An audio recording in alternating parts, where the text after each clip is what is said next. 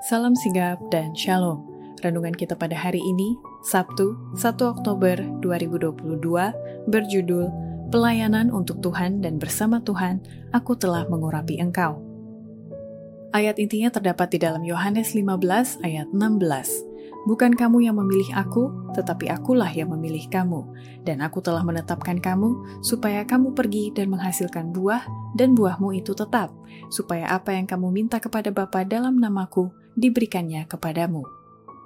Pena Inspirasi menuliskan yang dimaksud dengan judul renungan kita pagi ini, Pelayanan untuk Tuhan dan bersama Tuhan, aku telah mengurapi engkau, adalah respons atas perintah Yesus, pergi dan hasilkanlah buah, dan makanya kita harus senantiasa datang menghampiri tahta kasih karunia Allah dan mengalami kasihnya yang tiada bandingnya itu adalah sebagai berikut.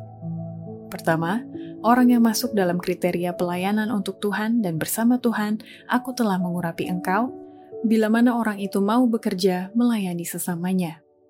Malaikat yang diutus kepada Filipus dapat melakukan sendiri pekerjaan bagi orang Ethiopia itu, tetapi ini bukanlah cara Allah bekerja adalah rencananya agar manusia bekerja melayani sesamanya. Kedua, orang yang masuk dalam kriteria pelayanan untuk Tuhan dan bersama Tuhan, aku telah mengurapi engkau, bila mana orang itu menjaga jiwanya tetap hidup dalam keadaan apa pun. Dalam melayani orang lain, mereka akan menjaga jiwanya tetap hidup, Jikalau kita menjadi mitra kerja Yesus, kita akan melihat dalam gereja kita cahaya yang menyala lebih terang dan lebih terang lagi, memancarkan sinarnya untuk menerobos kegelapan di luar lingkungan mereka. Ketiga, orang yang masuk dalam kriteria pelayanan untuk Tuhan dan bersama Tuhan, aku telah mengurapi engkau, bila mana orang itu berjiwa misionaris yang meringankan penderitaan dan kesengsaraan umat manusia, seperti pekerjaan para murid-murid Yesus. Pekerjaan yang dilakukan murid-murid adalah juga pekerjaan kita. Setiap orang Kristen menjadi seorang misionaris. Dalam rasa simpati dan iba, kita melayani mereka yang membutuhkan pertolongan, berusaha meringankan penderitaan dan kesengsaraan umat manusia dengan kesungguh-sungguhan yang tidak mementingkan diri.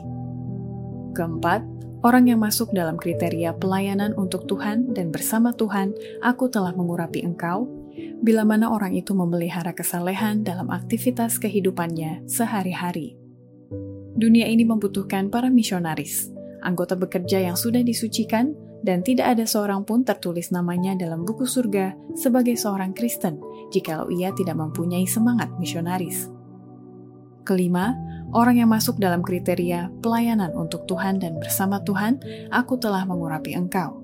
Bila mana orang itu bersedia dan memprioritaskan setiap usaha pekerjaannya dengan menyatakan kepada manusia Injil keselamatan.